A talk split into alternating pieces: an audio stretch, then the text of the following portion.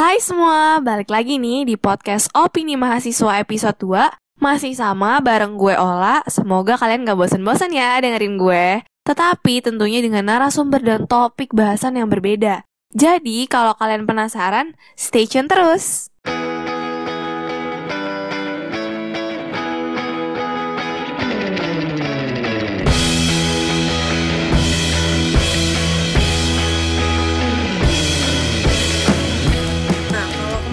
kita bahas tentang pendidikan, kali ini kita bahas seputar musik nih. Tapi pasti tetap informatif juga. Kalau kemarin gue udah ditemenin sama dua narasumber yang seru-seru banget, kali ini pasti nggak kalah seru. Gue udah ngundang Menteri Seni dan Budaya BMKM 2019, yaitu Bang Didi Catur Prabowo. Halo Bang. Halo Ola. Nah, eh, satu lagi adalah Mulia Arta Kusuma yaitu BMFM 2019. Halo Arta. Hai.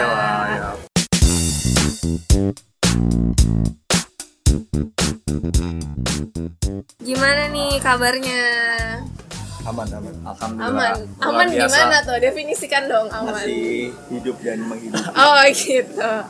Eh, gimana nih kesibukan sekarang? Sibukan dari gua ya seperti biasa bantu-bantu broker di BMPM ya lah ya. Oh iya. iya. Yang ada. Mengerti kok mengerti. Kalau Bang Didit gimana kesibukannya nih sebagai pas- Menteri Seni dan Budaya? Woi, gila. Yang pasti udah nggak ada uas ya. Oh iya iya iya.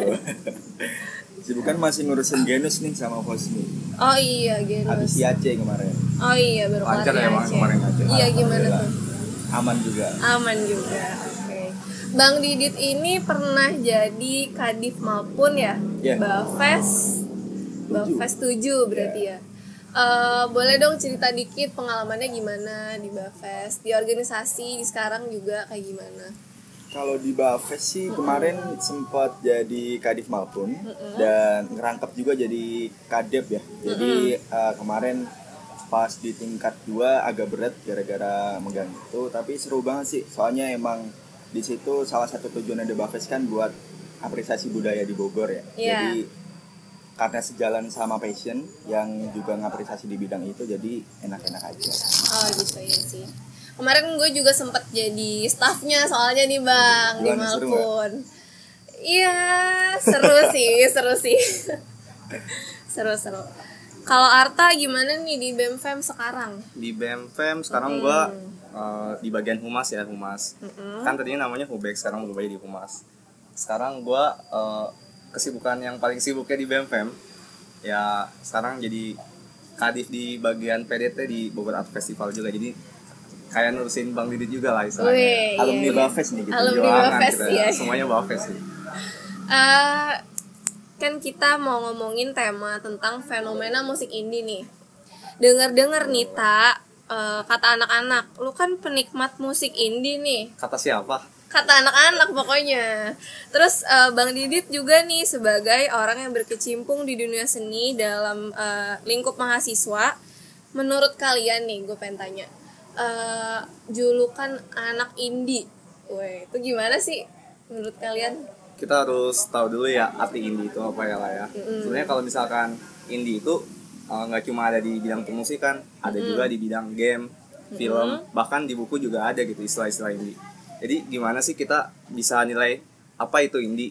Pertama kita bisa nilai dari labelnya lah. Mm-mm. Jadi eh, label itu dibagi jadi dua menurut gua Eh, dan menurut orang-orang juga seperti itulah Iya, iya. ya, apa adanya. Jadi label itu yang pertama ada major label, label yang udah gede lah istilahnya, yang udah banyak artis-artis atau musisi-musisi yang masuk di label tersebut. Jadi Oke. segmen di major label itu udah luas banget lah istilahnya. Kalau misalkan satu lagi kita bisa bisa nyebutnya indie label lah. Indie label itu apa? Jadi label yang istilahnya segmennya masih terbatas ter- terbatas terhadap genre-genre tertentu gitu lah Oke. jadi begitu jadi kalau misalkan kita bisa simpulin musik-musik indie itu musik-musik yang dilabeli oleh label indie gitu lah gua. Oke, oke. Itu kan dari segi apa itu musik indie kan? ya tuh Kalau dari Bang Didit yang mau gue tanyain tuh eh, label anak indie gitu. Gimana sih first thought kalian gitu loh?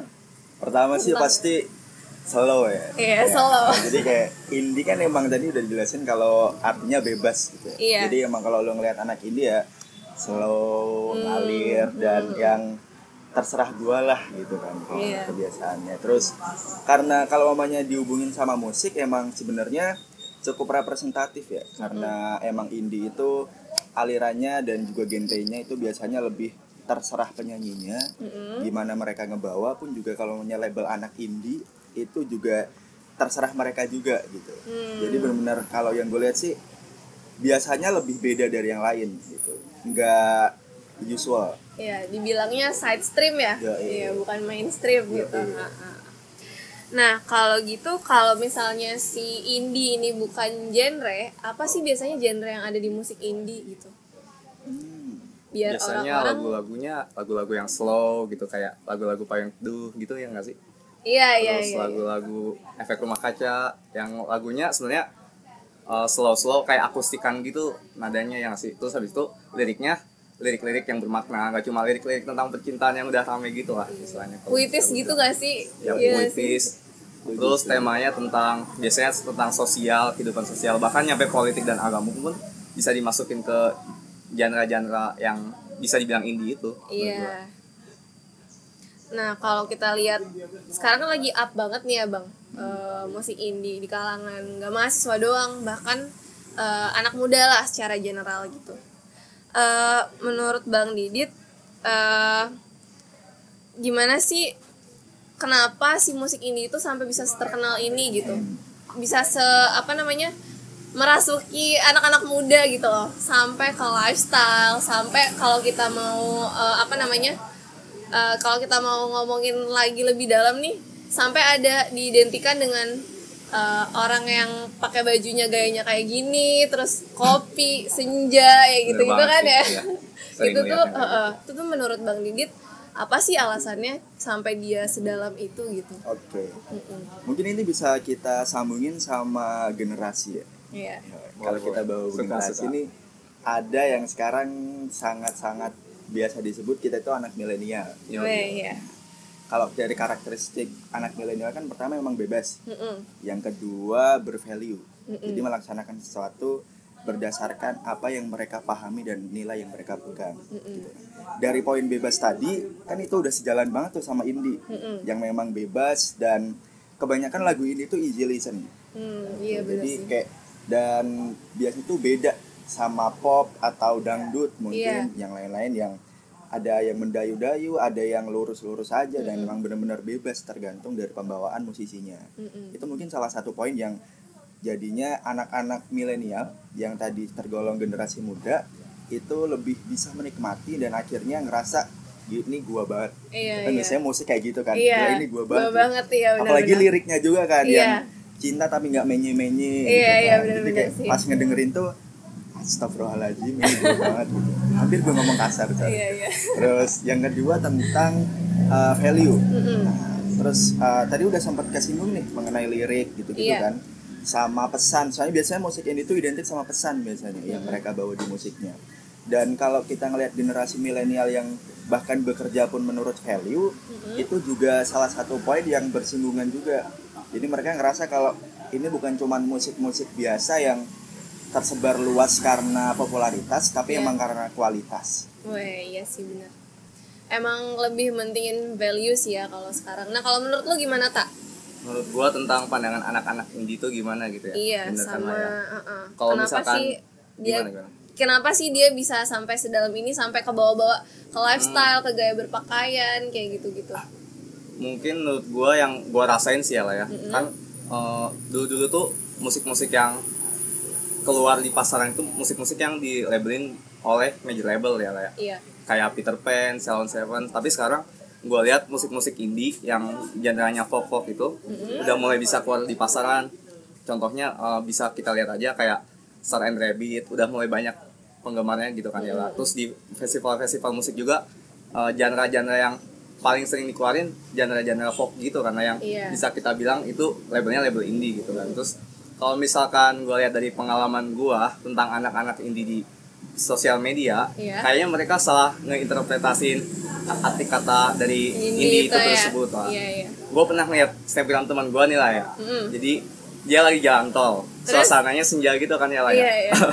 sambil uh, ngeplay lagunya Ardito Pramono Iya. padahal sebenarnya Ardito Pramono itu juga bukan Iya, indie dia udah kan, jadi ya. major label Iya, sekarang. sama Sony kan ya kalau Iya. salah terus uh, di snapgramnya itu ditambahin caption gue anaknya indie banget gitu Weh, tapi iya, sebenarnya lagunya yang di style bukan lagu indie gitu kan sebenarnya uh, orang-orang tuh masih banyak yang salahin indie tersebut gitu sih sama sih kayak gue waktu itu datang ke festival musik lo juga kan Bafes eh, bukan? bu- Oh, bukan. bukan. Kita datang ke? Lalala Fest waktu itu Oh, iya. Terus abis itu eh, apa namanya tanggapan teman-teman gue tuh begitu gue datang ke acara festival yang di Forest kayak gitu kan emang terkenal eh, apa namanya indie banget lah katanya. Terus gue tuh dibilangnya wah gila indie banget lu lah sekarang kayak gitu gitu padahal itu juga konser musiknya bukan konser musik indie gitu loh. Maksudnya bener.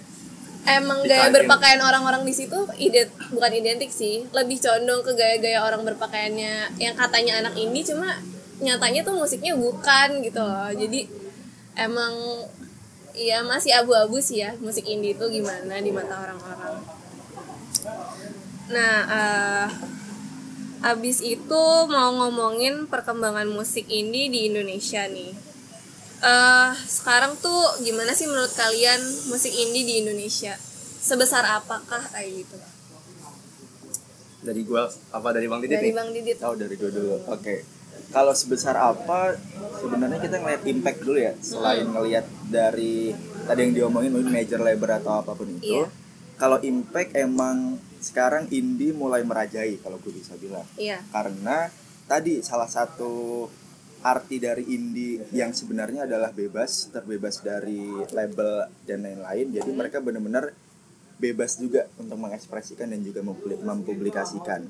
Apalagi ditambah dengan perkembangan digital 4.0 yang sekarang YouTube sangat mudah diakses, Spotify sangat mudah diakses dan bisa dibilang semua orang bisa ngupload karya mereka gitu. Iya, iya. Jadi secara kalau impact emang menurut gua indie lagi strong-strongnya. Dan media promosinya juga gampang ya Iya, sekarang betul. ya. Kayak semua orang ada di genggaman gitu. Iya. Kalau nggak salah eh, musisi pakai major label itu juga untuk membantu promosinya juga kan eh, salah satu alasan besarnya. distribusiin musiknya nyampe ke telinga pendengar Iya, karena sekarang udah gampang jadinya lebih meluas gitu ya. Menurut lo gimana tak? apa nih tentang Perkembangan musik indie di Indonesia sebesar apakah dia? besar banget lah kalau bisa gue bilang seperti itu kenapa soalnya kita lihat aja nih artis-artis yang udah gede kebanyakan juga eh, mereka tuh bisa di labelin indie contohnya kayak siapa? Raisa. Raisa sebenarnya bukan eh, major label kan dia sebenarnya indie kan. Eh, Oh iya baru tahu labelnya itu namanya kalau nggak salah Uni Records. Nah terus habis itu Oh. selain Raisa ada juga Tulus Iya. terus Dipa Barus. Ya nama-nama gede itu bisa kita bilang indie kan. Jadi bisa kita simpulin bahwa eh, ini tuh pesat banget perkembangannya di Indonesia ini Oke deh. Nah kemarin tuh sempat rame ya tentang RUU permusikan.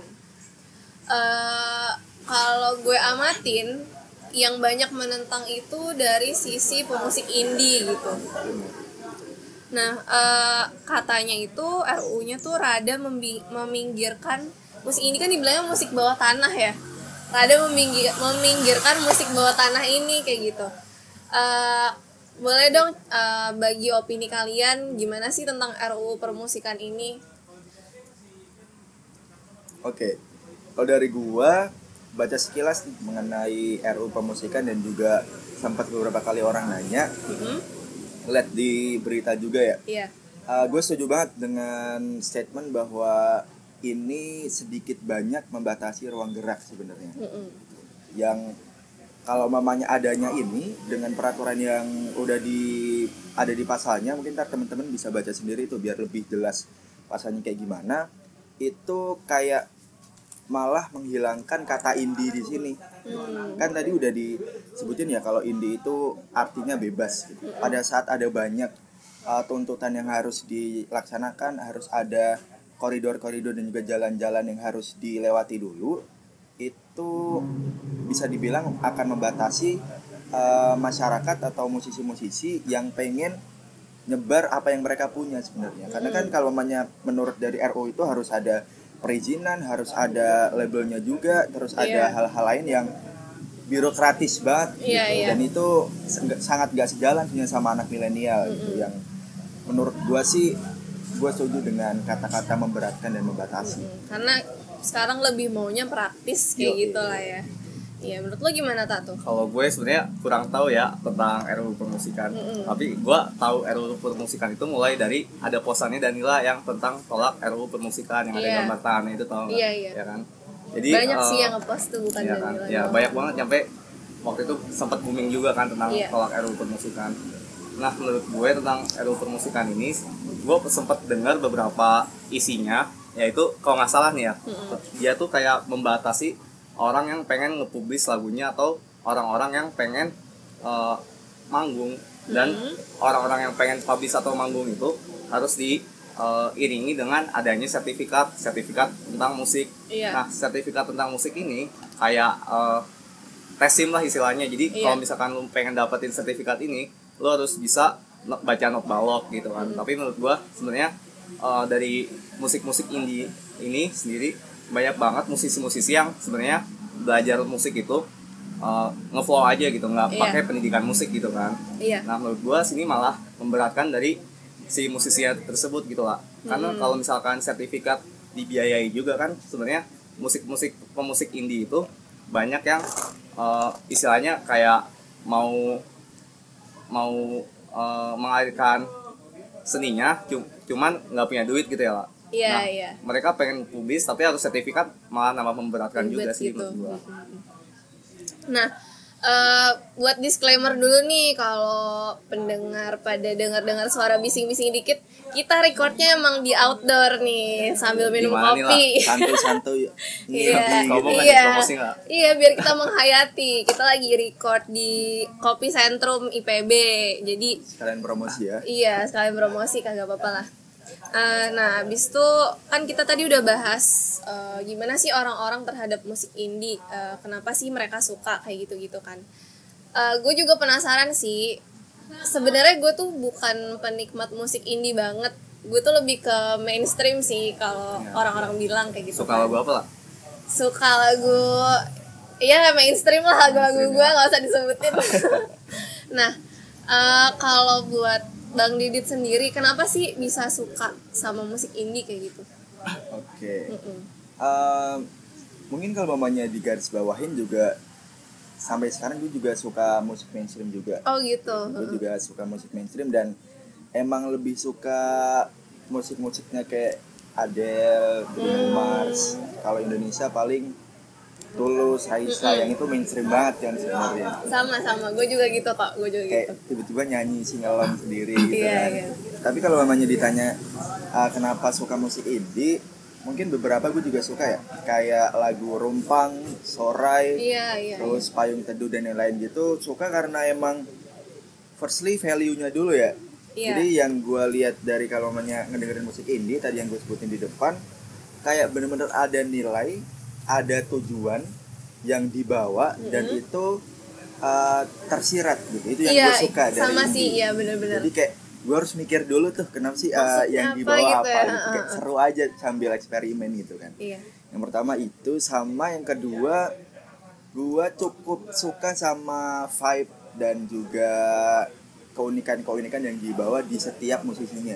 Jadi kayak mamanya di lagunya Payung Teduh itu beda sama lagunya Moka mungkin ya. atau lagunya band-band indie yang lain gitu. Walaupun beberapa juga ada yang solo ya kalau Iya, indie ada. atau 420 beda juga sama yang Iya. lain. Jadi bener-bener pas lu walaupun playlistnya indie, tapi yang gue rasain gue kayak lagi ngedengerin banyak warna aja. Gitu, Iya. Kalau Setuju sih, setuju.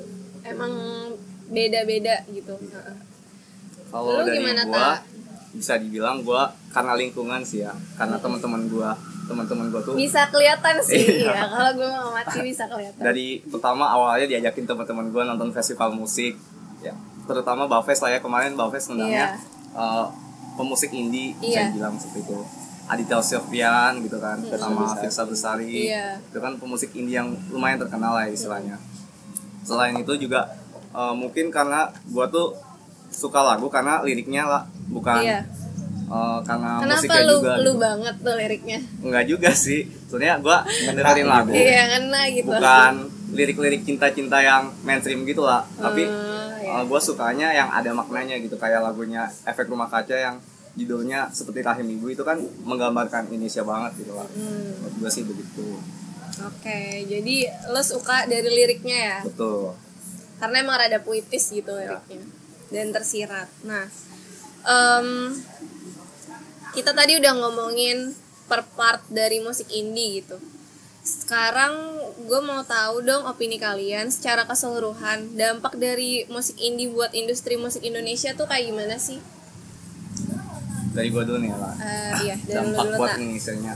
Sebenarnya kalau bisa gue bilang indie itu bukan cuma genre musik tertentu, nggak harus musik pop, nggak harus musik rock dan genre-genre tertentu lainnya, tapi eh, musik indie itu kita bisa bilang dari labelnya lah, bisa kita nilai. Kalau misalkan ada musisi yang berlabel indie, bisa kita sebut indie gitu. Iya. Jadi lo bisa indie, Bang Didit bisa indie, gue juga bisa indie gitu. Bu- Iya. Buat siapa aja indie itu bukan cuma buat orang-orang yang eh, dengerin lagu musik pop gitu lah. gua. Terus kalau misalkan eh, buat efeknya buat Indonesia lah ya, Iya. itu menurut gua eh, sangat membantu perkembangan dunia ekonomi kreatif lah. Karena sekarang juga kan dunia ekonomi kreatif lagi digencar-gencarnya lah Iya, ya. lagi up banget. Nah, dengan juga ada eh, kebijakannya Pak Jokowi inilah yang ngebuat badan ekonomi kreatif gitu. Iya. Menurut Bang Didit gimana nih? Buat industri musik Indonesia, musik indie tuh impactnya kayak gimana sih?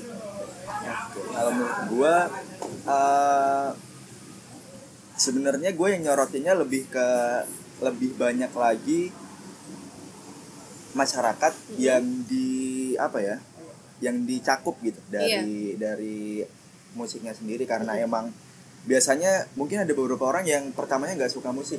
Iya. pas pas kenal musik indie jadi suka. Gitu. jadi kalau mamanya bisa dibilang dari kebebasan yang ada di indie ini ngecakup lebih banyak masyarakat lagi lebih ngecakup dan apa ya ngebuat seni itu bisa lebih diapresiasi sih kalau menurut gua. Oke, eh, terakhir nih closing statement dari Bang Didit. Eh, musik di Indonesia tuh harus lebih kayak gimana lagi sih menurut Bang Didit? Oke Eh, musik secara keseluruhan ya Mm-mm, berarti musik bukan cuma artis ya Iya. kalau menurut gua sih eh, salah satu poin di indie ini bisa diterapkan di semuanya Iya. Indie itu kalau yang gue baca katanya dari independen pertama, Heeh, bebas, benar-benar. sendiri, mandiri gitu. Kalau mamanya kita sebagai mahasiswa nih yang sekarang lagi di IPB juga, kalau kita ngomongin tentang musik, salah satu poin yang sangat bisa dibawa dari indie adalah kita harus berani bilang kalau kita tuh kayak gini. Gitu. Kita harus berani bilang kalau kita kayak gini dan kita punya ini gitu. Kalau kalau pengekspresiannya menurut gua ini udah keren banget dan kalau yang gue lihat dari mahasiswa IPB nah itu yang kurang Mm-mm. gitu. Yang kadang bahkan orang orang IPB itu sebenarnya bisa musik harus bisa hal-hal lain tapi kurang dibebaskan. Hmm, Jadi kalau iya, mamanya menurut kita indie itu bebas dan bisa membebaskan, ayo bareng-bareng aja. Oke oke. Eh, menurut lu gimana tak? Tentang Closing statement lu Closing eh, statement gua musik ya. Indonesia tuh harusnya kayak gimana? harusnya musik Indonesia ya harus berjalan seperti ini aja gitu ya. Let, let it lah. Nggak usah dibatasin dengan aturan-aturan yang meribetkan para pemusik itu sendiri. Nah, menurut gua kalau misalkan keadaan musik di Indonesia ini seharusnya ya dibiarin aja gitu lah. Eh, gimana musiknya itu berjalan gitu. Nggak usah dibatas-batasin. Hmm, Oke. Jadi intinya musik Indonesia harusnya berkembang dengan lebih bebas gitu ya. Ya, begitu. Oke, kalau gitu eh, udah selesai nih obrolan kita pada kali ini. Thank you banget Bang Didi udah meluangkan waktunya. Siap. Buat Arta juga thank you Ya, banget. makasih juga lah. Obrolan yang seru banget pada siang hari ini sambil ngopi di sini. Eh, pokoknya ada suara esnya. Gua tadi salah ngisep kopi jabang gigi tuh tadi. Aduh, nggak sengaja, saking enaknya. Bayar, bayar. Sekian dari podcast Opini Mahasiswa episode 2. Jangan lupa tungguin episode selanjutnya. Bye.